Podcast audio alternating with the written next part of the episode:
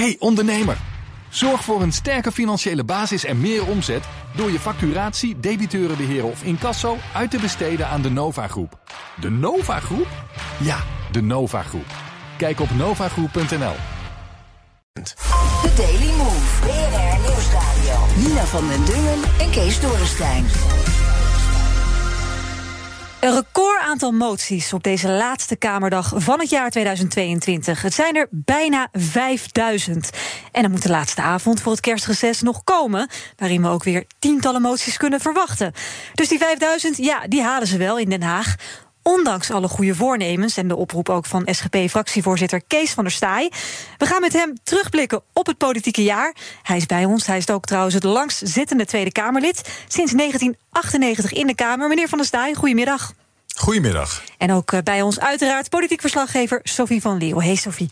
Hey, sinds 2018 in de Tweede Kamer. Dus ik, ik sta wel bescheiden op vandaag. dat snap ik, ja, dat snap ik. Uh, om wel met jou te beginnen, bescheiden Sophie. 20 fracties. Uh, ik las ook vandaag de term motie-inflatie. Dat kunnen we ook wel stellen, hè, want het wordt gewoon steeds erger. Ja, het wordt steeds erger, Nina. Vorig record was uit 2019. Toen, daarna had je natuurlijk coronacrisis en is er wel wat minder gedebatteerd. Maar nu, 2022, dit is gewoon een topjaar voor de motie in de Tweede Kamer. Um, en het is natuurlijk ook het jaar waarin we nu middels 20 fracties hebben zitten in het parlement. Ook een record. En ja, ik moet toch wel zeggen, Nina, he, er is veel ophef geweest. Er waren veel schandalen. En je ziet een totale versnippering natuurlijk van het politieke landschap in Den Haag. En dat leidt weer tot 100 actieplannen, heel veel moties, ook van wantrouwen. Uh, heel veel burn-outs ook weer dit jaar. Ja. En dat, dat is ook weer slecht voor het vertrouwen in de politiek natuurlijk. Dus ja, fraai staan we er niet op, helaas, in Nee, 2022. nee. Meneer Van der Staaij, u was ook voorzitter notabene van een werkgroep... die eh, het functioneren van de Kamer onder de loep nam. Dat was eh, ongeveer een jaar geleden. En toen was ook uw heldere oproep... stop met al die moties. Kamerleden moeten gewoon veel minder moties indienen. Dat is niet gelukt. Nee, dat is waar. Ehm, eh, en, en we hadden daar eerlijk gezegd ook nog niet op dit onderwerp nou de, verwachting dat het gelijk anders zou worden. We dachten wel, laten we een nieuwe stap zetten en gewoon eens een norm eh, benoemen.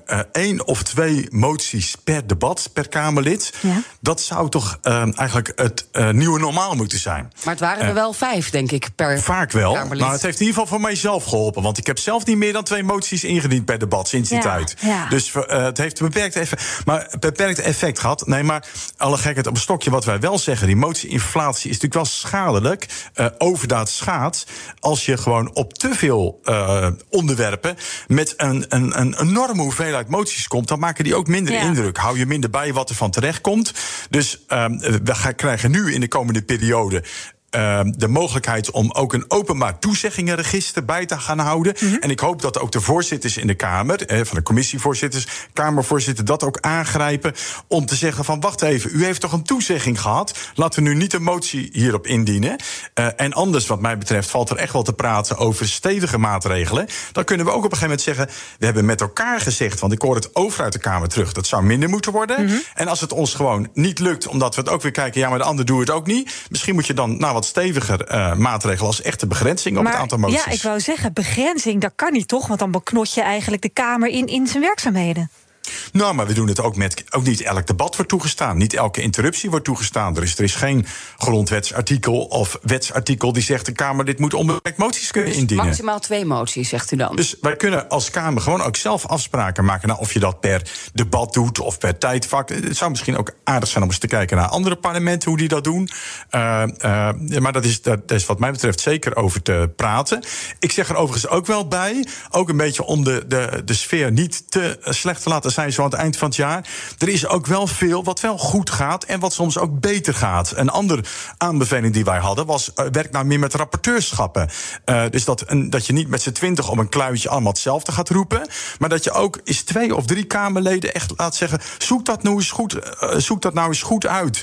Eh doe er nou eens een diepteboring in. En dat zie je op een aantal onderwerpen. Of het nou om staatsnoodrecht gaat of de digitale euro. Zie je dat de Kamer dat meer oppakt. En in dat opzicht ook wel gaan de dingen gelukkig ook echt beter. Maar meneer Van der Staaij, ziet u ook niet dat het belang van profilering in de Tweede Kamer aan het groeien is en dat daardoor mensen steeds vaker moties aan het indienen zijn, omdat ze daarmee aandacht krijgen voor de partij, voor, voor het Kamerlid zelf, voor de volgende verkiezingen weer? Ja, dat klopt. Dus het heeft te maken met niet alleen uh, nieuwe uh, uh, fracties, die ook dus weer automatisch naar rato moties indienen. En daardoor krijg je het meer. Maar ook nog dat je ziet, uh, ja, het is de manier om ook weer aan je marketing te doen. Om te laten zien van, nou, ik maak me hier sterk voor. En om met je mo moties te kunnen wapperen uh, naar de, de, mensen in de huiskamers. Ja, daar, daar hebben wij media ook een rol in, hè, Kees? Zeker. Kees Dorrestein en Kees van der Staaij. Ja, Kees een beetje inhouden. Ja, uh, meneer van der Staaij, nou is het natuurlijk wel zo dat 2022 een bijzonder jaar was. Hè? crisis op crisis op crisis, we kunnen stellen. Zou je aan de andere kant niet kunnen zeggen dat dat een beetje het aantal belachelijke aantal moties misschien wel een beetje rechtvaardigt? Nou, de moties gaan niet alleen over uh, de, de crisissen. Uh, het heeft er soms ook gewoon mee te maken dat je moties voorbereid worden en ook met een groot aantal fracties ook niet per se de afstemming altijd wordt gezocht van joh, um, zullen we de moties ook bundelen? Er zijn ook soms oude gebruiken mm -hmm. die ook een beetje nu in onbruik geraakt zijn. Dat als je weet dat een ander Kamerlid op hetzelfde onderwerp ook een motie in voorbereiding hebt, dat je even probeert die zaken ineen te schuiven. Precies. En het wordt er eigenlijk alleen maar sterker van. Dus die het, het is te makkelijk scoren, zegt u. Ieder, ieder ja. voor zich wil gewoon alleen maar scoren met die moties. Ja, overigens over al die crisissen, uh, die beginnen ook wel toe te nemen, net als de moties. Het is niet alleen motie-inflatie, maar ook wel een beetje crisisinflatie, vind ik. Want ja. bij alles... Uh, heeft de politiek daar niet zelf een beetje debet aan?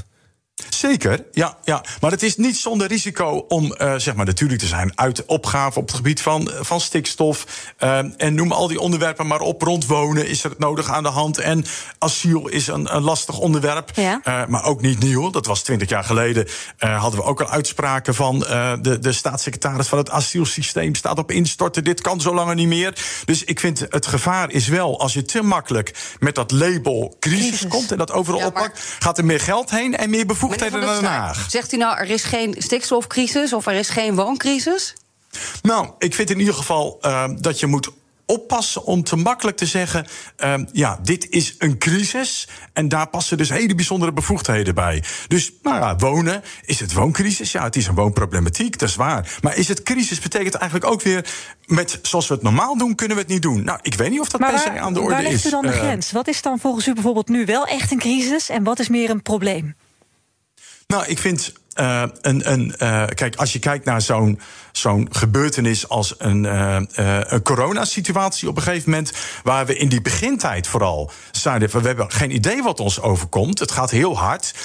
Dat vond ik echt een, een, voorbeeld van een crisistijd. Maar daarna heb je ook al iets, heb je gewoon te maken met een nou, pandemische situatie. Maar die kunnen nog wel meer ook optreden. Het is niet, het is niet altijd weer kritisch, crisis dan. Een crisis is eigenlijk ook, vind ik, als het ook heel erg onvoorzien is. En je eigenlijk met je normale instrumenten daar niet op berekend ben. En, en, is dat ook dan voor de uh, kabinetten Rutte een kans om meer macht te grijpen? Ziet u dat ook zo dan? Ik vind het wel. Ja, dat zag je bij asiel bijvoorbeeld ook. Nu werd er echt gezegd van nee, we moeten ook weer. We hadden uh, daaraan geroken bij die wet buitengewone bevoegdheden. Uh, waar we een avondklok hebben ingesteld. En toen bleek er, toen ze eenmaal in die kast aan het grasduinen waren met oude noodwetten. dat er ook nog iets was dat je gedwongen plekken kon hebben voor de opvang van asielzoekers. Wet verplaatsing bevolking. Ook weer totaal bedoeld voor andere situaties. En dan denk je, ja, is dit nu echt een situatie? Natuurlijk, grote aantallen, maar het heeft ook te maken met, je, met een politieke keuze dat je eigenlijk weinig buffercapaciteit hebt. Hebben we het verleden ook over gesproken. Dus ja,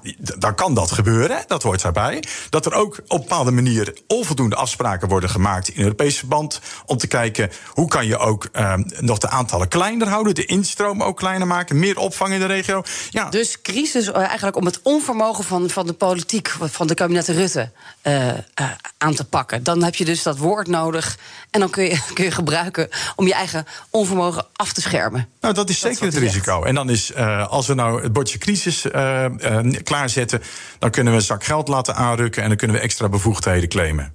Helder. u bent het langstzittende Kamerlid. Volgend jaar is dit moment 25 jaar geleden. Ook uitbreiding en verjonging bij de SGP. Nou, ik denk alleen, kijk, voor een partij als de SGP, alleen al de beeldvorming, die zal ik al heel eenvoudig alleen met mijn verschijnen kunnen doorbreken als men denkt dat het een partij van oude mannen is. Weet u dit nog, meneer Van der Staaij? 25 Ja, jaar terug? zeker. Ik had net in de Kamer. 29 jaar, het is jong. Ja, verjonging van de SGP inderdaad. Eh, inmiddels bent u al een hele tijd eh, zit u er. U bent echt een nestor hè, van de Kamer op dit moment. Wij vroegen ons ook een beetje af hier... in vergelijking met 25 jaar geleden... is het nog leuk om Kamerlid te zijn? Uh, zeker. Het Kamerlidmaatschap is zulk prachtig werk.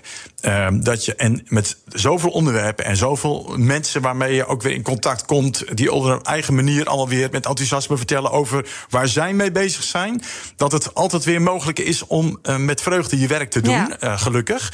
Maar het is dat ook een niet weg andere dat er tijd. natuurlijk wel onderwerpen zijn waarvan je eens zegt van ja, ik vind dat wel heel lang. Hè? We hadden gisteren nog weer een debat over die mondkapjesdeal. Ik had ook een andere verplichting. Maar en daar hadden we april ook zo'n debat over gehad. En dan Mhm. denk je op een gegeven moment wel van al die uren die erin gaat zitten. En al die partijen die daar eigenlijk met andere woorden ongeveer hetzelfde in zeggen. Ja, ik, kan, ik, ik voel wel mee met degene die daar ook naar kijken. En die zeggen, nou ja, en geïnspireerd vind ik dat hele gebeuren niet. En als je niet oppast, dan eh, moet je ook weer opvallender gaan doen om nog weer de aandacht te krijgen. Dan ga je Nou ja, dat, weglopen. heel of bijzondere ordevoorstellen doen. En Ja, ja. dat soort dingen allemaal meer. Dus dat, dat, dat, dat vind ik niet per se de leukste kant van Dat het werk. begrijp ik. Waar ik ook nog op doel is toch een beetje de huidige tijd van eh, de zichtbaarheid van de Kamer, maar ook de bereikbaarheid. Hè. Eh, ik kan me voorstellen dat er toch wel een dikkere huid nodig is, omdat heel veel Kamerleden ook te maken krijgen met bedreiging. En niet alleen aan het eigen adres, maar vaak ook gewoon aan het gezin.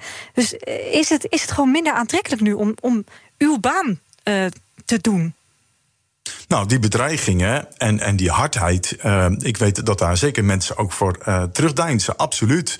Eh, kijk, ieder die gaat er op zijn eigen manier ook weer mee om. Ik merkte in het afgelopen jaar ook dat eh, ik heb zelf de neiging ontwikkeld om als ik complimentjes krijg, die te koesteren en denken: wat aardig van die mensen. Wat zijn er toch veel aardige mensen op de wereld? En als ik heel veel rottigheid krijg lange eh, brieven om te denken: joh, wat vervelend voor die mensen dat ze zo gefrustreerd zijn. Dus dan, dan hou je dat ook een beetje van je af. Maar eh, de, eh, iedereen gaat er wel op eigen manier mee om. Ik, ik zie ook collega's die echt wel eh, ja, veel meer geraakt zijn door alles wat er over hen heen komt. En eh, die dat eh, de manier waarop weer een andere mee omgaan, daar kunnen zij ook weer niet direct wat mee. Die hebben er wel mee te maken. Of je moet maar in je privé-situatie, dat heb ik gelukkig niet. Dat mensen ook daar eh, op de huid gezeten worden of lastiggevallen worden Ja. voor de voordeur staan. Dus ja, zeker absoluut. Ook van belang dat we op die omgangsvormen. Eh, eh, dus ook wel dat we daar een aandacht blijven besteden. En dat we niet normaal gaan vinden wat er ook aan eh, rottigheid via sociale media wordt verspreid. En als er echt ja, eh, dreigingen zo aan de orde is, dat we er ook aan de bel trekken. En dat er ook tegen opgetreden wordt. Dat wel de norm daarin gesteld en bevestigd wordt. Meneer Van der Staaij, u zit dus volgend jaar 25 jaar in de Kamer. We horen net, u, u kwam in de Kamer om even dat frisse, jonge geluid te laten horen. Maar ja, het, het jongste eh, Kamerlid van de SGP is nu alweer bijna 50. Is, is, ja, de- ik wil u niet weg hebben natuurlijk, maar eh, is dit niet het moment om het stokje over te dragen aan weer een, een, een nieuwe jonge god, om het maar zo te zeggen? Nee, Of ik ben godin. natuurlijk ook altijd. eh, eh, ik ben natuurlijk altijd ook eh, eh, van de school. Dat je, eh, eh, als je gekozen bent, als je beschikbaar hebt gesteld, dat je altijd je termijn, eh, als het enigszins mogelijk is, moet uitzitten. En alle begrip als er hele bijzondere omstandigheden kunnen zijn. Maar zo zit ik er ook in. gewoon gericht op mijn termijn met vreugde hier ook nog weer tot een goed einde te brengen. En dan komt altijd weer het moment dat je weer moet afwegen: ben je ook weer voor een volgende periode beschikbaar? En die komt elke periode zo tegen het einde weer terug. En hoe langer je zit, hoe minder vanzelfsprekend dat het ook wordt. Dat is zeker waar. U gaat zich een beetje bezinnen met de kerstdagen, hoor ik al?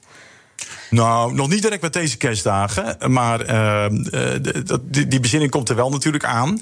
Eh, dat, is, dat is logisch. En ja, je staat natuurlijk met het, het aantal jaren wat ik hier rondloop. eh, wat dichter bij de, bij de uitgang dan bij de ingang. Laatste vergaderavond vanavond voor het kerstreces. Hoeveel moties gaat u nog indienen? Ja, ik heb natuurlijk met dit nieuws vandaag gezegd van... jongens, moties alleen als het echt nodig is.